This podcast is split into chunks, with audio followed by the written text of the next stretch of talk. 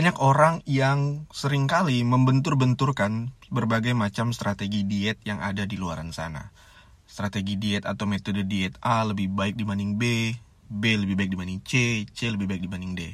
Guys, untuk teman-teman ketahui semua, semua strategi diet, semua metode diet, semua program diet yang ada di luaran sana itu punya benang merah yang sama, yaitu defisit kalori.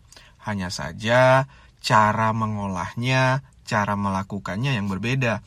Ada yang pakai jam makan, ada yang kurangi karbo, ada yang kurangi lemak, ada yang tinggi lemak, ada yang tinggi protein, ada yang mengatur eh, apa namanya jendela makan, berapa kali makan, dan masih banyak lagi cara-cara lain dalam strategi diet tersebut. Maka dari itu paling penting adalah temukan strategi diet yang cocok buat kamu lakukan, bukan yang orang lain lakukan.